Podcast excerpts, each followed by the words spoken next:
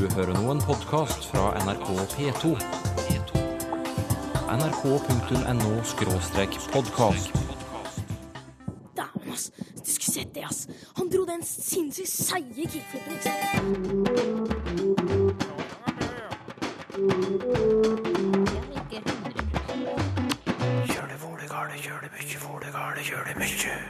Vel og nok er to nyttige småord. Han kommer vel? Han kommer nok. Men hva er forskjellen? Noen stedsnavn holdes fra hverandre med leddene lille og store. F.eks. bydelene Storo og Lillo i Oslo er deler av en opphavlig gard kalt O. Og det blir gjenhør med den danske damen som selger ord. Et ord koster 500 kroner. Oi, det var mye penger for ett ord. Mye penger, selv for en nordmann. Hvor kommer ordet pingle fra, Sylfest Lomheim? Jeg trodde jo faktisk at pingle var engelsk. Ja, hvorfor det? Det høres liksom så lånt ut. Men er det norsk? Ja, og det har slått så an. Da blir det mer om pingle senere.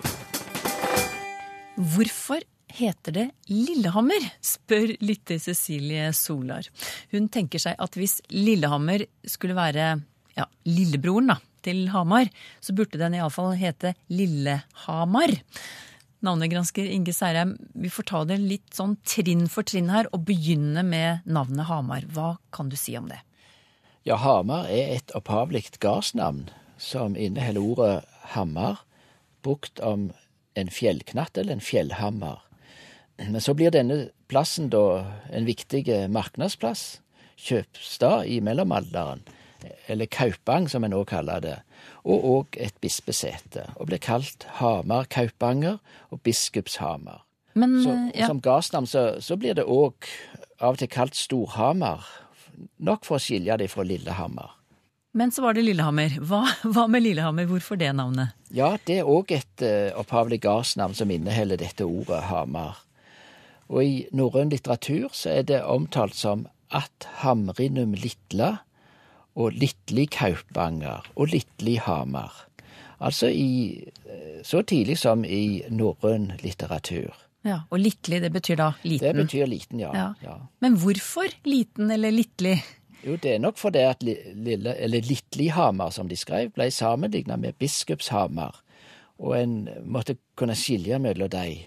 Og da bruker en det en kan kalle presiserende ledd. Litli er et, et sånn eksempel. Så her var nok bispesetet storebror, eh, et viktig senter, en sentralstad i kirkelig organisering og inndeling. Mm. Men du, et av disse norrøne navnene på Lillehammer er litt annerledes. Litli Kaupanger. Kaupanger.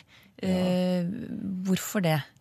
Ja, det viser at, eh, at Lillehammer òg var en markedsplass, alt i høgmellomalderen. Altså en kaupang, som, som det òg ble kalt. Så det var ikke bare Biskupshamar som, som var det. Så ordet kaupanger det er brukt om, om flere byer, annet om trønderhovedstaden Nidaros, altså Trondheim, og om en kjent markedsplass i Vestfold, i Larvik, der det er et rikt arkeologisk funnmateriale. Og en finner det òg andre plasser, Kaupanger i Sogn, Koppang i Hedmark. Hvis vi tar for oss andre steder på norgeskartet, så finner vi jo flere navn med Lille, og så kommer det resten av navnet. For eksempel, ja, ta Lillesand på Sørlandet. Hva var historien der? Ja, Lillesand i Aust-Agder ble kalt Sanden til 1600-tallet, da med bakgrunn i ei sandstrand. Men ved grunnlegging av Kristiansand i 1641 av kong Kristian Kvart, Kristian 4., så ble nabobyen i Aust-Agder skilt ut som Lillesand, med et presiserende ledd Lille. Og, og en kan, Det fins andre eksempel òg på, på dette her. Eh, eksempel bydelene Storo og Lillo i Oslo er deler av en opphavlig gard kalt O i gammelnorsk, som inneholder ordet å, elv, brukt om Akerselva, og som da blir skilt med presiserende ledd, lille og store.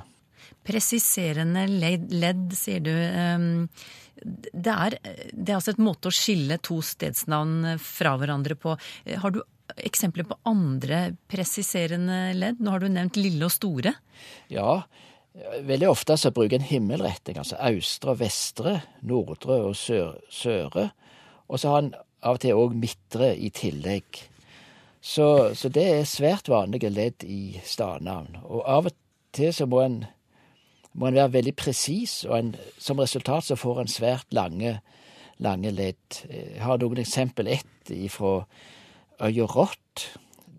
Litle Banstadvikodden. Der har vi først et navn Banstad. Så får en Banstadvika, så får en Banstadvikodden, og så må en skilje mellom Litle og Store Banstadvikodden. Altså fire lag med, med navn, kan jeg si. Mm, renne løken. Ja. men, men, jeg lurer på, istedenfor å holde på da med lille og store og østre og vestre og nordre og ja, hvorfor kunne man ikke bare gitt disse stedene hvert sitt navn? Altså At det ikke gikk an å blande, blande dem sammen? At ikke, man måtte skille dem med disse presiserende leddene? Jo, det er jo òg en mulighet, men de er jo veldig presise, disse, disse navnene. Selv om de blir ganske lange, så, så, for, så, gir de klare mening for, for navnebrukeren. Så, så, det er nok grunnen til at de, de bruker slike ledd så ofte. Lille, store, østre, vestre osv. Nyttige ledd for å holde stedsnavn fra hverandre, sa navnegransker Inge Særheim ved Universitetet i Stavanger. Hva er forskjellen mellom ordene vel og nok? Han kommer vel. Han kommer nok. Språkprofessor Kaja Borten ved NTNU, du forsker på bruk av småord i språket vårt, bl.a. vel og nok. Hva har det til felles? Både vel og nok brukes når vi ønsker å ta et lite forbehold mot det vi sier. Eh, vi antar det er sånn, men er ikke helt sikre. Så det er det de har til felles. Men hva er forskjellen mellom dem, da?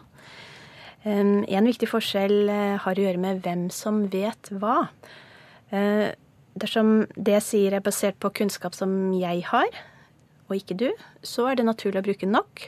Mens hvis det jeg sier er basert på kunnskap som vi begge har, og som kanskje du til og med vet mer om enn jeg, da er det naturlig å bruke vel. Noen eksempler nå? Ja. Så la oss anta at Eh, vi har sønner i samme skolekorps, og at mhm. vi lurer på hvem som kommer på korpsøving i kveld. Ja.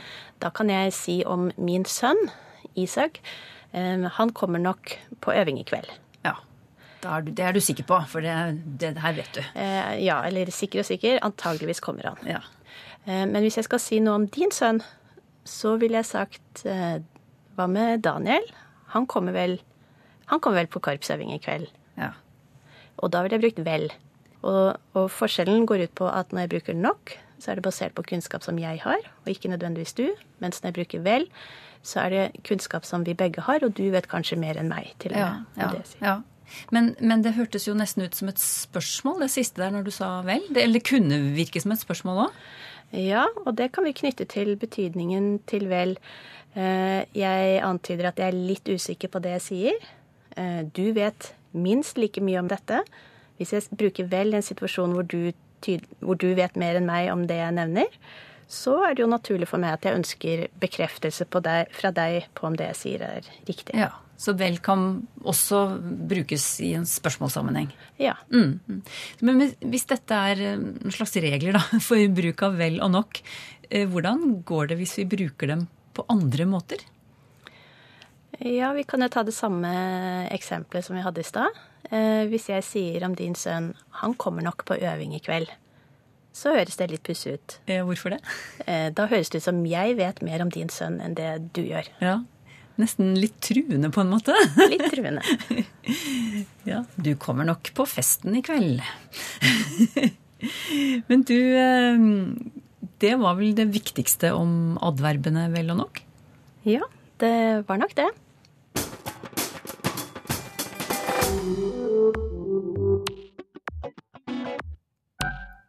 Kunne du tenke deg å betale 500 kroner for et ord som er skrevet ned på et stykke papir? Hvis du er i København sentrum og oppsøker Kattesundet, en av byens eldste gater, da kan du stoppe opp utenfor den gamle bygården nummer ti. På en liten, anonym ringeklokke står det Ordbutikken. Hei. Anne Jones. Anne, velkommen. Takk skal du ha. Det er så fint. Kom med inn. Ja. Et åpent ansikt med muntre, lyse krøller og et stort smil. Ordselgerske Anne Middelboe Christensen klikker og klakker gjennom en gang, tvers over bakhagen og inn en ny dør. Hvor kommer det stå og skrive? Ja. Middelbos ordbutikk i store, svarte bokstaver på døren. Nå ser vi hvor vi skal hen. Det er godt. Ja. Oh. Det er som en lun, liten stue. Ingen typisk butikk, med andre ord. Kjøkkenkrok med kaffemaskin, stort eikebord med messinglampe og en brannbilrød vinkelsofa. Ellers stort sett bokhyller fra gulv til tak. Minibibliotek. Jeg øh, har denne ordbutikk, men jeg er også teaterkritiker og dansekritiker. Så her har jeg samlet alle mine ballettbøker og teaterbøker og bøker om språk. Bøker om ord. Hvorfor er du opptatt av ord? Jamen, øh, jeg er jo kritiker og jeg er forfatter, så jeg bruker ord hele tiden. Men øh, jeg har lyst til å verne om, om ordet. Så nå ringer klokkene i bakgrunnen. Det er Rådhuset fra København som ligger lige bagved. Men øh, jeg, jeg, er opptatt av sprog og den måde, vi bruker sproget på. Og øh, nå har jeg levet hele mitt liv med å sætte ordene sammen i sætninger. Og så fikk jeg lyst til å øh, se hva der skete, hvis jeg fikk ord et av gangen. Så hele projektet i Middelbos Ordbutik er at jeg skal se om jeg kan sælge ord et av gangen. Et ord koster 500 kroner. Oi, det var mye penger for ett ord. Mye penger, selv for en nordmann. Men, øh, men, det må det koste, for det er alvorlig det her. Jeg kan ikke selge ord for fem kroner. Det vil ikke gi mening. Så det skal være sånn at hvis man kjøper et ord til seg selv eller til en gave, så øh, kan man merke at det er alvorlig, og det er en, en sterk tanke der ligger bak. Det skal være i stedet for å forære noen en skjorte eller en lampe eller et par nye støvler. Så, øh, så det er noe. Men til gengæld tænker jeg at hvis noen forærer en et ord i gave, så vil man aldri glemme det. Man glemmer måske blusen eller blomsterne. Så, og så er pointen at jeg skal jeg forplikter meg på å bruke alle de ord jeg har solgt, i en diktsamling. Så, så bagefter så vil det ord man har købt, være å finne et eller annet sted i diktsamlingen. Men hvor mange ord har du solgt? Jamen, det var jo det der var det store spørsmål. Ville det her lykkes, eller ville det bare være meg? Min familie kjøpte ikke noen. De tenkte det her det er crazy. Så de ventet spent. Men i dag står jeg og skal selge nummer 178. Det syns jeg jo er fullstendig fantastisk. At så mange mennesker oh, Nå kommer kunden. Og nå kommer kunden. Uh. Hallo? Det er Louise som kommer for å kjøpe et ord. For andre gang, faktisk. Og mens Anne lager ordkaffe, som hun kaller det, forklarer Louise. Når man gjerne vil gi et ord til folk, så, eller til noen mennesker, så, er det jo fordi at de er Man gjerne vil gi dem noe spesielt. Og så er det jo det der med hvordan velger man så det riktige ord. Det syns jeg er en en svær overvejelse, men så er jeg både i, i, i siste omgang og i denne omgang er jeg nået frem til det første ord, der falder meg inn. Så du, du tenker på det mennesket som skal få ordet, ja. og så det første som faller deg inn, ja. det ordet blir det? Ja. Mm. Da er jeg spent på, på ja. Mm. Vi setter oss ved det store eikebordet med hver vår kaffekopp. Ordselgerske Anne tar fram noe som kan ligne på et visittkort. Man kjøper et ord, og det får man på et ordbevis, som er sånn et lille, meget diskret stykke papir. Ikke større enn at man kan folde det sammen og ha det i sin pung. Men uh, der står ordet og datoen, og jeg skriver under på at uh, jeg kun kan selge ordet én gang, og at ordet senere inngår i mitt poetiske prosjekt. Mm. Så uh, Ordet er sådan. Ja. Sådan. Ja. ja. Da jeg tenkte på ordet, så var det i betydning sådan, som på dansk betyder sådan skal det bare gjøres. Det, så det blir en slags utrop. Mm. Wow. Wow. Det er det danske wow, Ja. kan man si. Ja. Jeg vet ikke hvor personlig du har lyst til å være, men kan du si noe mer om hvorfor du valgte akkurat det ordet til Ja. den personen? Ja. Jamen det er til en person, det er en, øh, en kvinde, som øh, har vært min chef gjennom længere, lengre, tid, og som nu så stopper i sitt øh, job. Og hun er et menneske, jeg har stor respekt for. Jeg har lært riktig mye av hende, og hun er et meget skarpt menneske. Og derfor øh, har jeg lyst til å si sånn. Ja. Men skal jeg skrive ordet nå? Mm. Er det det, jeg skal? Ja. Ja? Anne skriver ordet på det lille kortet, setter på dato og signerer.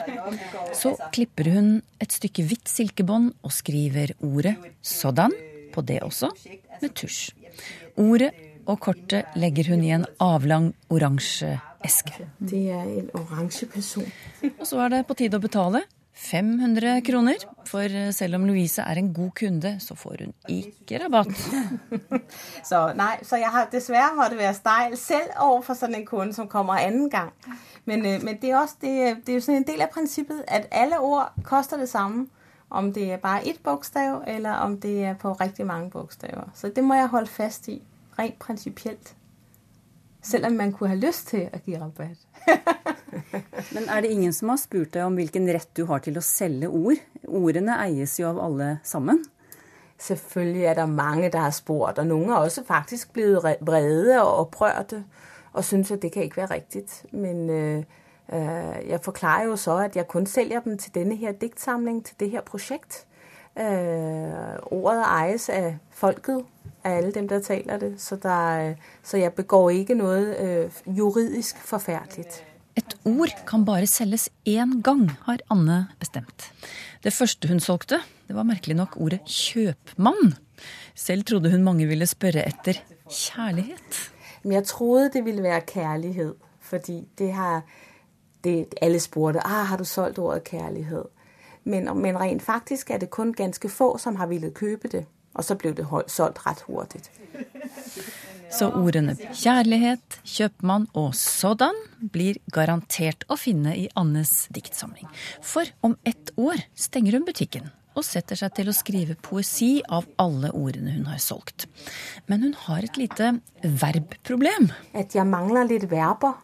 I øyeblikket har jeg fire verber, og det er en lille smule svært at få ordene til at gøre noget, når der ikke er nogen ord, der gør. Øh, men ellers må det blive meget modernistisk, som man ligesom siger træ, skov, hus, lampe. men jeg vil jo rigtig gerne have, at noget springer, eller løber, Mm. eller smiler, eller kysser. Hvilket ord skulle du selv ønske deg å få i gave?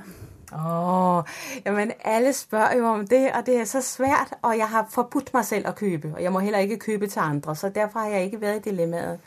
Men jeg er blevet snydt af min far, fordi til sidst kom han ind, og så købte han et ord, og jeg vidste ikke, at han ville købe ord. Så købte han ordet ord, og så synes jeg, det var lidt frægt. Det var sådan lidt, haha, hvad er det for en joke? Det er jo ligesom mit ord, når jeg nu leger med ord. Men fint nok, han drog hjem med sin pose. Og så gik der nogle måneder, og så havde jeg fødselsdag. Så forærede han mig mit eget ord, ord.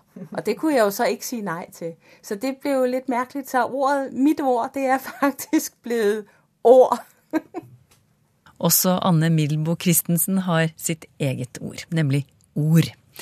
Eh, Dette innslaget hørte du første gang her i Språkteigen i oktober i fjor.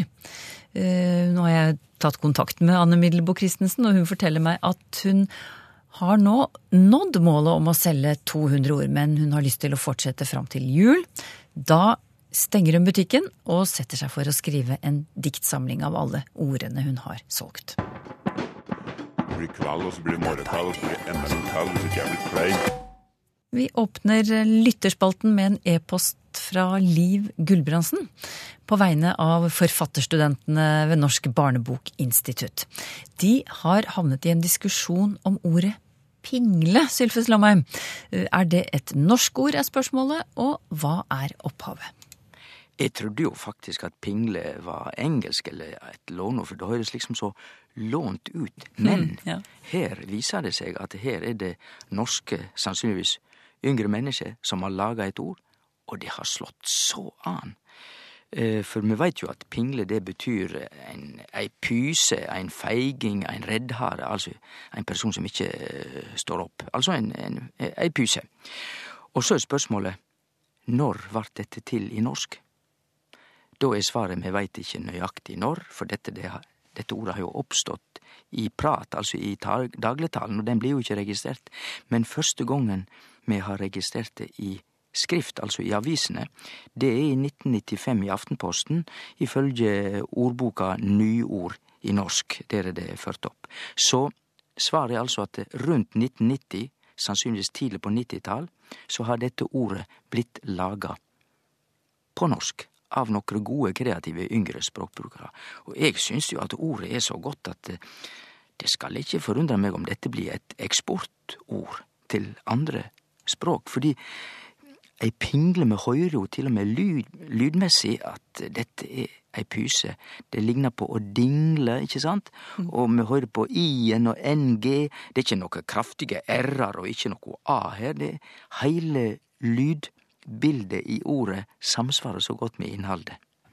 Jørgen Fogh spør hvorfor det heter å avkjøle når noe skal bli kaldere. Hvorfor heter det ikke å avvarme?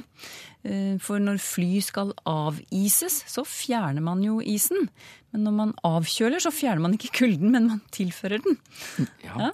Det blir rart, dette her, men Og det er jo helt rett at den vanlige bruken av preposisjon av, når vi setter den preposisjonen sammen med et verb eller eh, et substantiv, så betyr det bort fra, altså med fjerna eller det går ned, for eksempel avkopling. Da er det bort fra kopling. Og det med, med avkasting, det er å kaste fra seg. Av isa på fly, det betyr å ta bort isen. Og da liksom passer ikke dette med avkjøle, avkjøla, for det betyr jo ikke at vi, vi tar bort kulden, det betyr rett og slett at vi, noe skal bli kaldere. Så dette er et unntak ifra det som er mønsteret, og vi har nokre ord i norsk som er slik. Et annet døme er avdempa. Det betyr jo ikke at vi går bort ifra å dempe, det betyr det samme som å neddempe. Så avdempa og avkjøla er litt avstikkende fra det som er den vanlige funksjonen med forleddet av. Men er det noen måte å forklare hvorfor dette av står der? Altså hva, hvordan har det Nei, det er ikke annen forklaring enn at språkbrukerne har begynt å bruke av med den meninga når det gjelder avkjøla og avdempa. Vi kunne jo ha brukt neddempa, og vi kunne òg brukt nedkjøla, men det er da ikke det vanlige.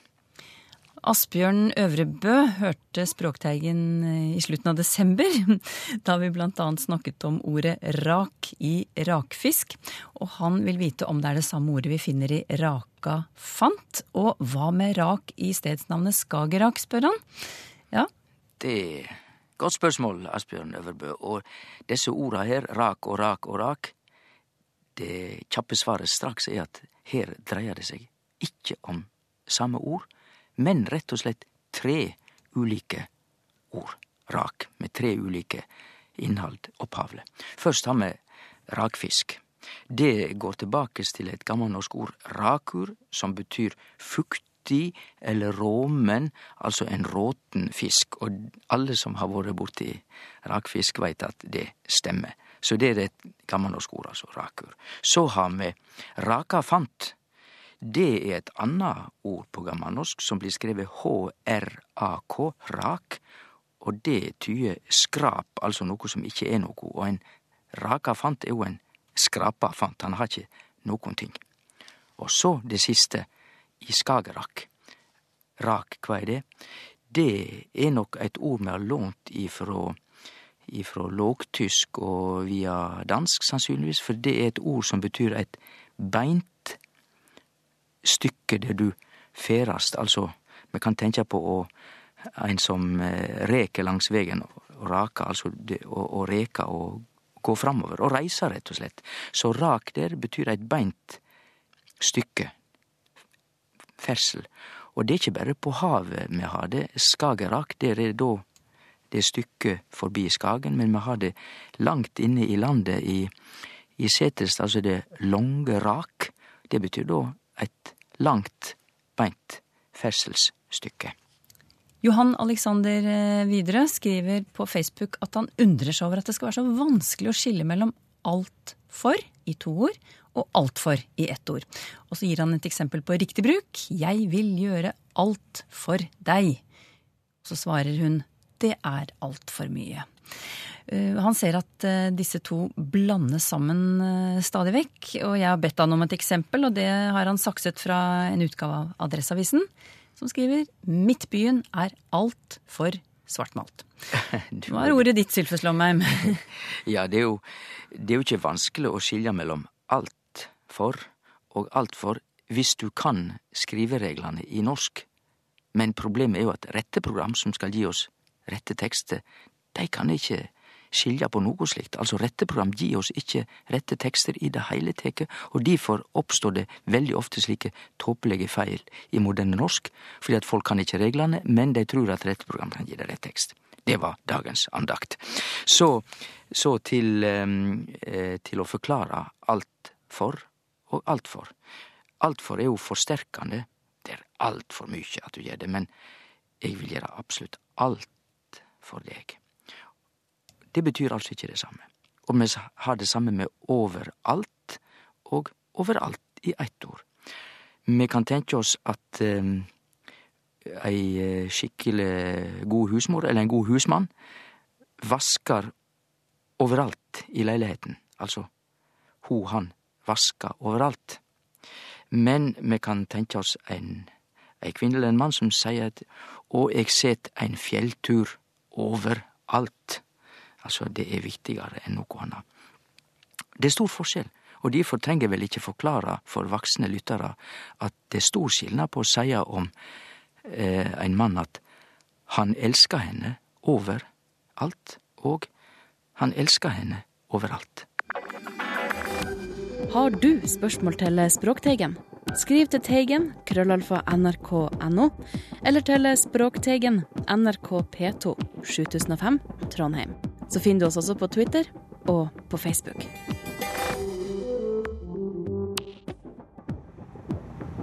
Ditt første møte med norsk språk, hvordan var det? Oi, det var, ja, men det var litt svårt å forstå i begynnelsen. For eksempel en, en jente jeg snakka med, hun, hun, var i Norge tre måneder alene.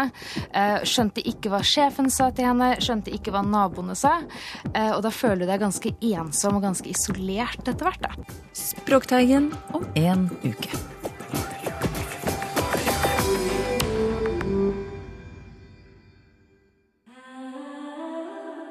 nrk.no podkast.